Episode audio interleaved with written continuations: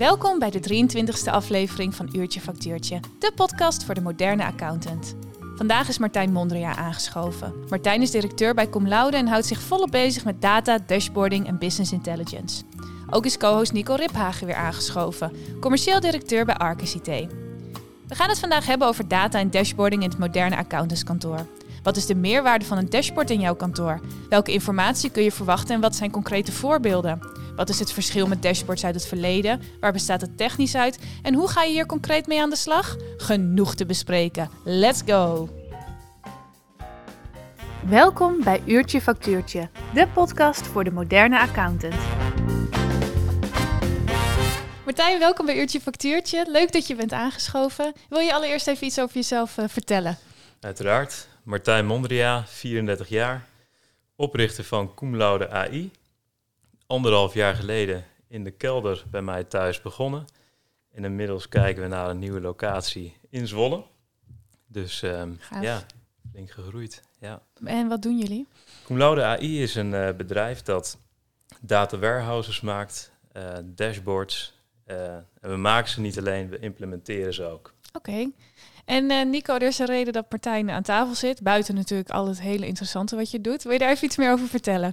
Ja, zeker. Uh, Martijn en ik kennen elkaar nu ruim een jaar. Uh, elkaar tegengekomen bij klanten in de zorg. Martijn had daar een aantal implementaties van data warehouses gedaan en dashboards gemaakt voor die, voor die klanten. En wij leverden daar IT-diensten en we vonden elkaar en we zagen absoluut een een samenwerking uh, voor de toekomst. Niet alleen voor de zorg uh, op gebied van HR, maar zeker ook voor accountancy en, uh, en andere klanten die we bedienen. Ja. ja dus daar is dat ontstaan. Ja, en daar gaan we het dus vandaag ook over hebben, over dashboards. Um, even helemaal terug naar de basis, Martijn. Waarom zou je eigenlijk als accountant een dashboard willen?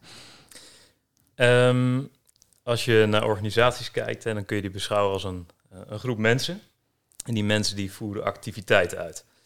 En ja, de algemene gedachte is, als jij die activiteiten uitvoert met behulp van inzichten, ja, dat je dan betere ja, besluiten neemt. Ja, dat klinkt natuurlijk heel mooi, maar ook nog wel een beetje vaag. Kun je, kun je dat iets concreter maken? Wat, uh, wat doet een dashboard bijvoorbeeld voor de accountant? Um, een dashboard voor de accountant laat um, de belangrijkste KPI's zien, hoe die zich over de tijd ontwikkelen. En je kunt precies zien of die ontwikkeling gewenst is of ongewenst. En je kunt met ehm, ja, bijvoorbeeld het MT besluiten een aantal interventies uit te voeren. En dan vervolgens ook zien van ja, hebben die interventies het gewenste effect. Ja. En om wat voor thema's gaat het dan zoal? Wat kun je in het dashboard terugvinden? Um, nou, Nico, hè, dan vraag ik ook even jouw hulp, hè, ja, ja, met jouw ervaring. Nou, wat we zien is, is uh, dat, je, dat je eigenlijk, het, uh, als je een dashboard goed neerzet, dan kun je dus over allerlei thema's heen dashboards maken. Uh, en waar heel veel zeg maar, applicatieleveranciers met eigen dashboarding zich focussen op hun data. Hè, in de, in de HR-sferen zie je HR-data en, en zo kun je ook vanuit, vanuit boekhoudsystemen ook de data daarvan uitpakken. Um, wat eigenlijk kracht is van dashboarding, en zoals wij het ook in de zorg ingezet hebben en, en nu ook voor de accountancy aan het uitwerken zijn. Um, de kracht is dat je dus die, die data verzamelt en, en dat combineert. En daar inderdaad met die uitkomsten dus uh, veranderingen doet. En, en je ziet dat terug in uh, eigenlijk de, de kantoordata, uh, maar zeker ook de data voor de, voor de cliënten. Hè. Dus ja. de, um, die combinatie van beide is, is ontzettend waardevol. En als we eerst even inzoomen op die kantoordata, mm -hmm. ik ga toch weer erop door. Heb ja. je een paar voorbeelden van dingen die de, hè, want veel accountants die hebben misschien in het verleden wel met een dashboard gewerkt of zijn mm -hmm. inderdaad van hun leverancier gewend dat ze een bepaald overzicht ja. hebben. Uh, waar hebben wij het vandaag over? Wat voor voorbeelden kun je daarin benoemen? Nou, je ziet, je ziet de ontwikkeling, uh, leuk dat dit uurtje factuurtje heet. Hè. Je ziet de ontwikkeling dat het minder uurtje factuurtje wordt. Hè. Dat er ook vanuit uh, abonnementen geredeneerd wordt en, en ook de klanten gebonden worden met abonnementen. het gevaar daarin is natuurlijk dat uren verdwijnen op abonnementen. Uh, en wat je met dashboard inzichtelijk krijgt, is dat je zegt: uh, wat zijn mijn beschikbare uren op, op een kantoor, op een praktijk? En wat zijn de uren die wij zouden kunnen gebruiken op die abonnementen van klanten? En hoe kunnen we uiteindelijk efficiëntie halen door die uren zo goed mogelijk te verdelen?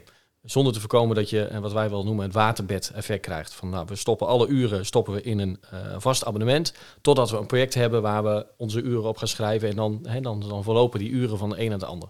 Nou, dat, dat krijg je pas inzichtelijk als je goede data hebt. En als je die data combineert tussen de verschillende systemen. Ja, dan zie je dus bijvoorbeeld, uh, we hebben zoveel medewerkers, dus dit zou de capaciteit moeten zijn. Er is zoveel beschikbaar voor abonnementen, zoveel voor losse uren, zoveel mhm. is daar al opgeschreven. Is het, is het op zo praktisch, Martijn, dat je het in kunt richten? Ja, ja, dus wat we doen, hè, uh, Nico zei het al, we combineren verschillende bronnen in een visuele laag. En je kunt praktisch iedere uh, dwarsdoorsnede maken die je maar wenst. Ja. en je kunt een drill down maken tot op het niveau van een medewerker. Maar je kunt ook bijvoorbeeld zien hè, hoe zit het per marktsegment. Hè, of per, klant. Ja. Per klant, ja, uh, noem maar op. Maar dat is eigenlijk echt cruciale stuurinformatie voor een kantoor. Waarom gebruiken nog niet alle accountants dit? Kun je daar iets over zeggen? Misschien Nico ja, beter? Nou, ik, ik, denk dat er best wel veel dashboarding gebruikt wordt. Uh, maar wat ik net uh, eerder zei, is, is, dat er heel veel dashboarding gebruikt wordt van de systemen zelf. Hè. Ik neem als voorbeeld uh, AVAS. Ja. AVAS heeft een geïntegreerd dashboard systeem. Um, even los van, van of dat prettig is om mee te werken, kijkt het alleen naar de AVAS-data. Uh, en de stap die je eigenlijk zou willen zetten, is dat je ook uh, ja, je, je systeem als bijvoorbeeld de numbers, als je daar je loonverwerkingen doet, die wil je eigenlijk ook combineren met de data die je in ja. AVAS verwerkt. Uh, en, um, ja, en eventuele losstaande fiscale applicaties, die wil je ook daar weer mee combineren. Um, de urenregistratie, als je dat niet in, in AVAS doet, of je hebt systemen als bijvoorbeeld Clock Assist erbij, al die data die vrijkomt, uh, die kun je niet zomaar standaard combineren in een dashboard van bijvoorbeeld AVAS. Nee, dan uh, moet je het alsnog handmatig aan elkaar gaan dan knopen. Dan moet je het alsnog ja. aan elkaar gaan knopen. En, en uh, daar kun je goede standaarden voor maken. en eigenlijk de vraag die je stelt aan degene die de data wil interpreteren is van ja, wat wil je zien? En, en dan op die, hè, op, die, op die visuele laag, daar, daar zorg je ervoor dat je alles bij me, combineert met elkaar. Ja, precies. En dat gaat natuurlijk heel erg over de kantoordata. Je had het net ook over de cliëntdata, Nico. Mm -hmm. waar, waar hebben we het dan over? Ja, de, dashboarding die je gebruikt voor je kantoor uh, kan uh, een goede basis zijn om ook met je klanten aan tafel te zitten. Uh, je, je, je zult als, als accountantsorganisatie voorspelbaar moeten gaan worden. Het vastleggen van data is één. Maar wat ga je ermee doen? Hè, om ervoor te zorgen dat je ook kunt sturen naar de toekomst toe, naar je, naar je cliënten. En ik, ik ben ervan overtuigd dat dat met goede dashboarddata, maar ook met um, trends die er zijn die in, in die data en marktontwikkelingen, als je die combineert in een dashboard, dan kun je je klant ook daarmee eh, mee verder helpen. Ja, dus eh, stel dat mijn accountant dat zou gebruiken, die zou mhm. dan voor mij kunnen zien van hey, er komt of een cashflow probleem aan, of ik, ik weet uh, historisch gezien dat ze uh, bij dat bedrijf uh, in het najaar altijd een hogere omzet hebben, dus er komt een capaciteitsprobleem aan. Ja. Dat soort zaken. Kan Seizoensinvloeden, personeelsplanningen, die, die, die, die laat je los op inderdaad historische data van financiële data. Ja. En daar komt wel uit waar je, waar je rekening mee moet houden en dat je misschien in bepaalde perioden uitgaven voorzichtiger moet doen ja. om om weer een moeilijke periode door te komen. Ja. Ja. ja precies. En nog heel even terug naar jouw vraag: hè, van waarom wordt dat dan zo weinig gebruikt? Ja. Ik denk dat dat ermee te maken heeft um, dat uh, bijna binnen iedere organisatie is er wel uh, iemand die zeg maar goed is in het aan elkaar knopen van al die systemen in Excel. Ja. -hmm. En ja. die genereert dan vervolgens nou, mooie Word-rapportages. Ja. En het management is dat gewend. En kan daar tot op zekere hoogte mee uit de voeten. Kijk, wat wij doen is uh, ja, iets heel anders. Hè. Wij ontsluiten al die bronnen structureel en geautomatiseerd. Hè. Dus iedere nacht wordt dat weer ververst. En dat komt terecht in wat heet een data warehouse. Ja. En daar leggen wij die visuele schil bovenop. Ja, en dat geeft dan vervolgens de mogelijkheid om een ja, veel dynamischer informatieproduct te hebben dan hè, die Word-rapportage. Um, Continu eigenlijk. Ja. Continu, ja. ja. Eh, maar laten we zeggen, het is, het is niet heel complex. Maar het is ook niet heel makkelijk. Ja, want je moet wel uh, goed nadenken over... oké, welke definities hanteren wij dan in dat dashboard? Um, hoe ziet dan de user interface eruit? Op zo'n manier dat we ook graag gebruik maken van het dash ja. dashboard. En wat zijn ook natuurlijke momenten hè, in besluitvormingsprocessen om dat dashboard erbij te halen. Ja. Het is een heel totaal. Wij, wij, hebben een paar trajecten samen gedaan. En wat ik wel uh, heel opmerkelijk vond, is, is uh, wij hebben vanuit als Arcus ook zelf al wat dashboards in met Power Pivot en allerlei dingen in elkaar geknutseld. En ook wel Power BI uiteindelijk. Um, maar wij begonnen eigenlijk altijd met klikken in Excel en in Power BI. Hè? En je, je denkt, oh, dit is een leuk widget en dit is een leuk diagrammetje. En, en dat, zo ontstaat een dashboard. Uh, en, en in het traject waar we samen opgetrokken zijn, daar zie je dat, uh, dat het helemaal niet begint met dat hele technische stuk en met, met het, uh, de data warehouse vullen, maar het begint met vragen stellen. Ja. Hè, dus dus ja. de user stories, hè, de, je kunt er muren mee volschrijven. Hè, Martijn zegt ook van, joh, je begint met de user story. Je vraagt de mensen op de werkvloer, hè, dus er zijn niet alleen mensen die dat dashboard moeten interpreteren, maar ook de mensen op de werkvloer. Die vraag je van, joh, maar wat is nou re relevante data? En waar wil je nou eigenlijk inzicht in hebben, wat je nu niet hebt? Uh, en denk eens in het meest uh, uh, onmogelijke voor je gevoel en, en beschrijf dat eens wat je wil hebben. Ja, en die user stories, dat voor samen eigenlijk een eerste gedachte, hey, wat gaan we met die data doen? En daar komt uiteindelijk de voorkant op een gegeven moment in beeld en, en dat bepaalt hoe die, hoe die achterkant in dat data warehouse gemaakt wordt. Dus het is een hele andere zonberedenering ja. Uh, dan wat we eigenlijk gewend zijn. Tenminste, wat, wat ik ook gewend ben om te doen. Ja, Namelijk denkt, gewoon hey, klikken. Leuk, leuk, leuk. Ja, dit, ja, dit kan er ook wel bij. Dit wil ik ook best precies. wel weten. Ja, ja precies. Nou, en dat is, dat is eigenlijk gewoon niet de juiste manier om te beginnen. Daar ben ik ook achtergekomen. Ja. Uh, en, en, en, ik denk dat dat, hè, als aanvulling op van waarom uh, zie je dat het, dat het lang niet altijd een succes is binnen accountantspraktijk. ik denk daarom. Hè, inderdaad, mensen die best handig zijn met Excel. Um, maar daar op een hele, um, nou ja, cijfermatige manier naar kijken. Terwijl je eigenlijk moet kijken vanuit de user stories. Ja, is dat nou wat voornamelijk een goed dashboard maakt? Of wat, waar bestaat dat nog meer uit? Um, ja, een goed dashboard begint inderdaad bij de gebruiker. Um, en ik zou zeggen een geweldige user interface. dus de afstand tussen apps die jij dagelijks gebruikt en het dashboard moet zo klein mogelijk zijn. Um, daarnaast moet je ja, goede definities hebben. Dus je wilt geen getallen discussies krijgen op het moment dat je met het MT naar het dashboard kijkt. Ja, ja en ja, wat wij ook altijd doen is aandacht hebben voor de sociale implementatie. Ja, dus ergens moet dat stukje techniek ingebed worden in een sociale werkelijkheid. dus hij moet erbij gepakt worden op natuurlijke momenten.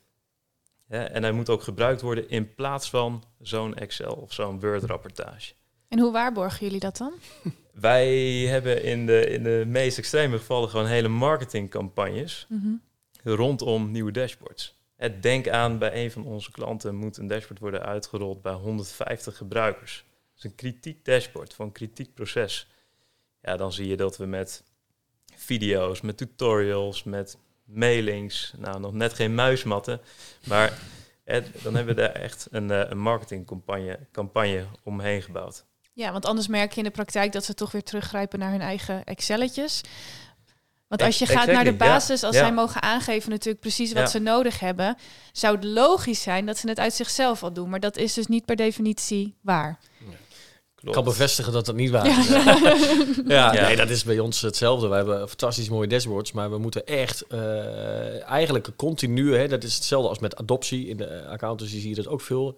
De adoptie van Microsoft 365 is ook een continu proces. Ja, dat is met dashboards exact hetzelfde. En ik denk ook dat een dashboard nooit klaar is. Hè, er is altijd wel weer een, uh, een aanpassing eigenlijk nodig om nog meer inzicht te krijgen of om ja, nieuwe data in applicaties te ontsluiten. Uh, dus, dus je bent daar ook nooit klaar mee. Nee. En daarom is dat data warehouse denk ik een heel belangrijke start. Want dan kun je eigenlijk oneindig doorgaan met, met de, de data te verrijken. En wat is er nodig? Eh, we hebben het over verschillende applicaties waar je data uit kunt halen. Waar moet zo'n applicatie aan voldoen om er data uit te halen? Ja, dat is een mooie vraag. Um, in beginsel, iedere zichzelf respecterende applicatie heeft een, heeft een interface om ermee te praten. Mm een, een, API. En uh, wat je daarmee uh, kunt doen, is een klein stukje programmatuur er tegenaan hangen. En op die manier haal je dan die data binnen. Um, zelfs oudere applicaties hebben uiteindelijk een manier, een methode om die data, zeg maar, uh, ja, boven tafel te krijgen. Ja, soms gaat het dan iets lastiger, misschien iets meer programmeerwerk nodig. Exactly. Dus in de basis, de, iedereen die nu luistert met een accountantskantoor, die heeft, heeft in de basis uh, het alles op orde om een data warehouse te gaan maken. Er moeten alleen wat verbindingen gelegd worden met programmeerwerk en of een API. Maar in de basis kan iedereen hier dus mee aan de slag gaan. Klopt. Correct. wat, wat, er wat een vraag is die, die bij mij nu even opkomt, is, is ehm, eh, je zou ook eh, eh, Power BI rechtstreeks aan API's kunnen koppelen. En Ja, eh, misschien kunnen inladen met Excel. Eh, of, of, hè, of een CSV-bestand Ja. of dat soort dingen. Ja. Waarom zou je dat niet doen? Ehm, omdat je dan, ehm, laten we zeggen, rechtstreeks verbinding maakt met de, ja, laten we maar zeggen, de ruwe data die, die in die applicatie zit. En een data warehouse ehm, doet nog een extra stap. Hm. En die extra stap bestaat erin dat ehm, de data zodanig wordt geprepareerd dat ja, tabellen over applicaties heen, data over applicaties heen met elkaar gaan praten.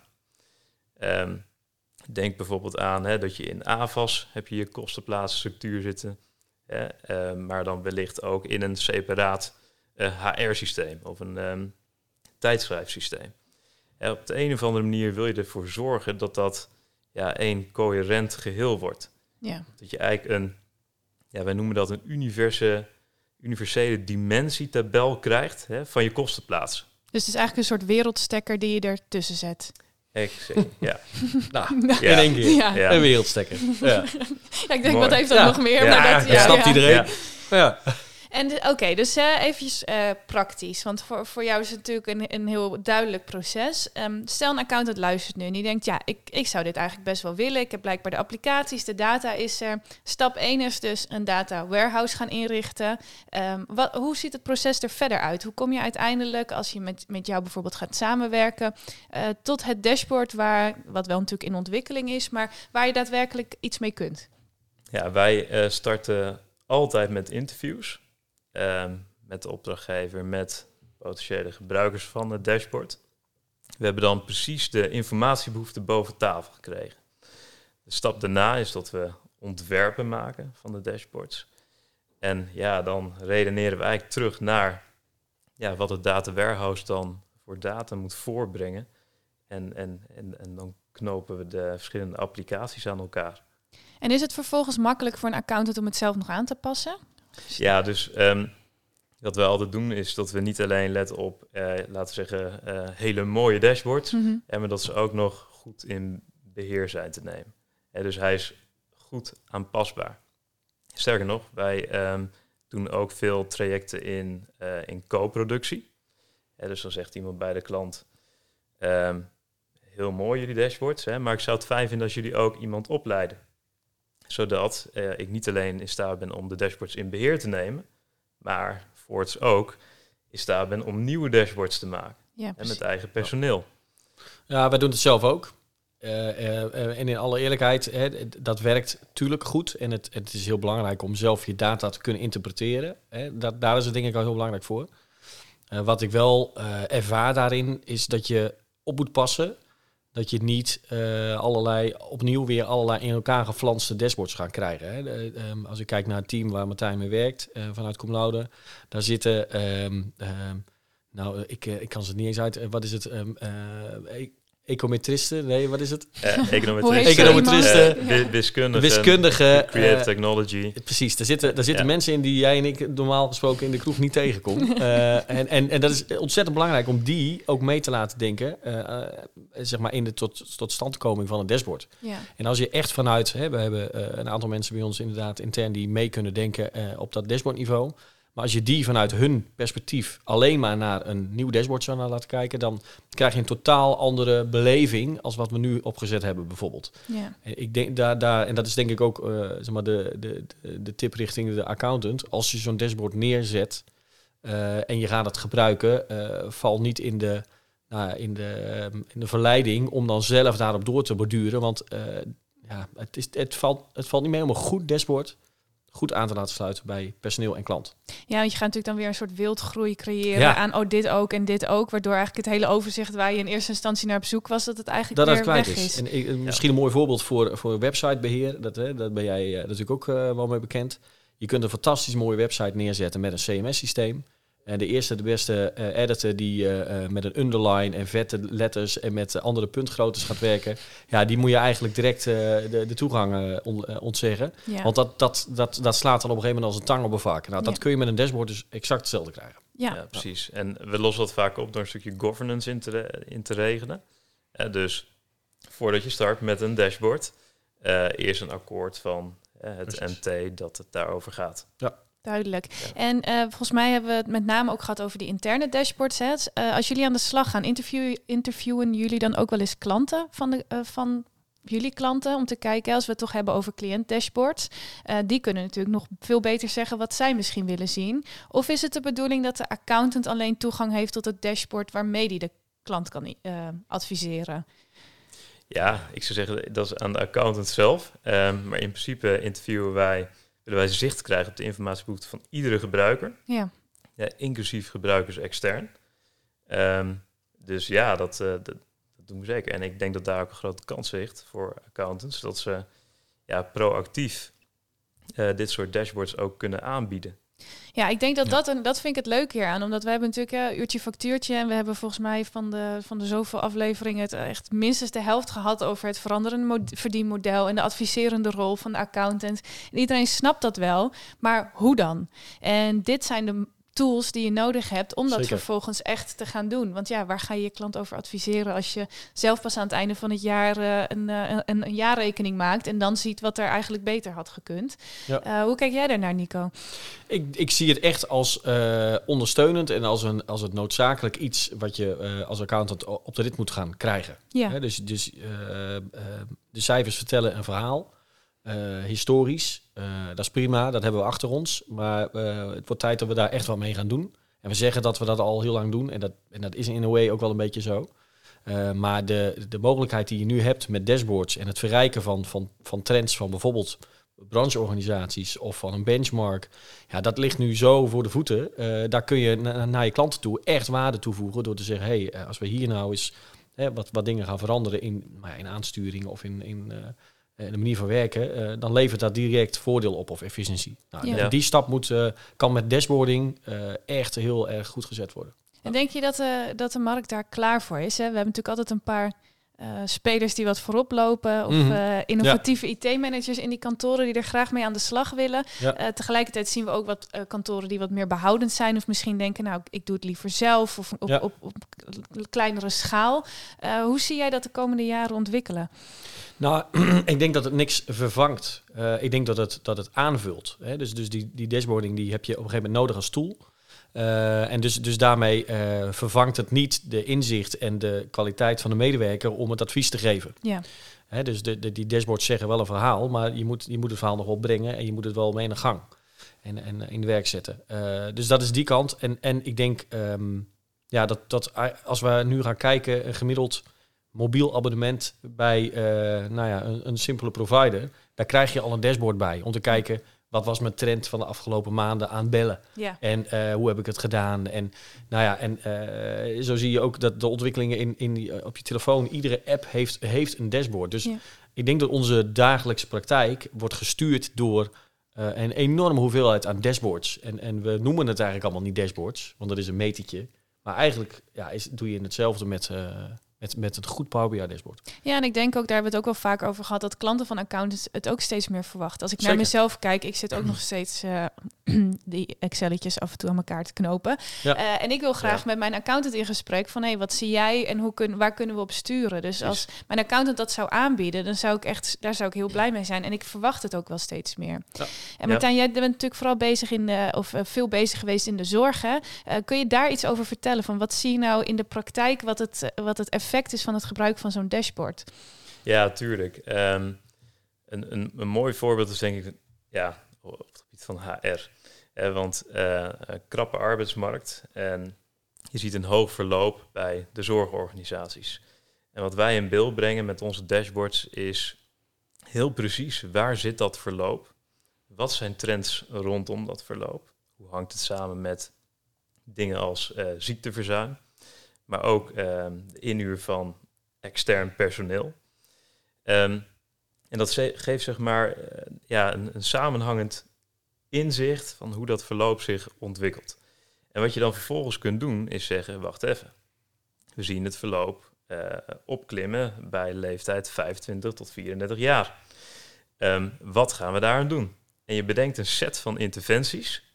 Bijvoorbeeld uh, flexibele uren voor vrouwen die starten met een, een, een gezin of mannen. En um, ja, wat je dan vervolgens kunt zien is dat het verloop in die groep afneemt. Ja.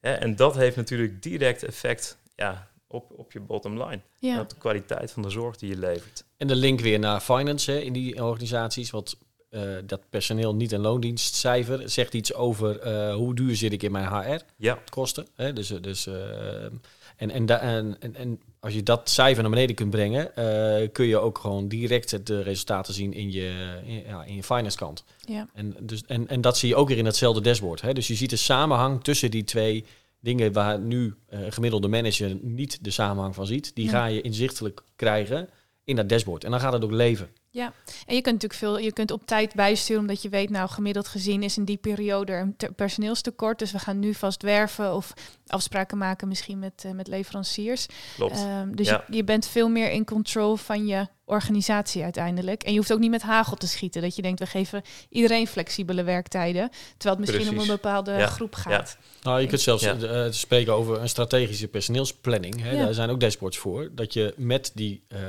waarde van verzuim en verloop enzovoorts... Uh, kun je met, met, hè, met, met slicers kun je aangeven, oké, okay, ik wil eigenlijk terug naar uh, minder inhuur.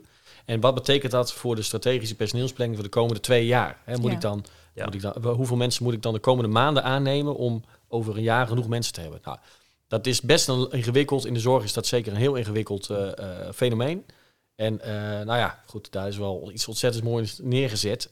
waar ik ook eigenlijk één op één wel een vergelijk kan trekken in de accountancy, waar ook een personeelsprobleem is, waar ja. ook uh, het verloop, als je niet oppast, hoog is. Uh, en, en dat kun je ook vanuit dashboards kun je zeggen, hé, hey, maar wat betekent dat voor mijn recruitment capaciteit? En als je met 25 mensen of, of, of 20 mensen op één kantoorlocatie uh, zit, dan is dat redelijk te overzien.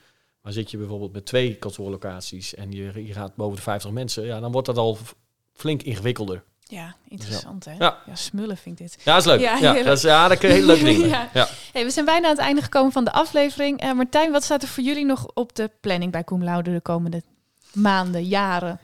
Ja, um, even kijken.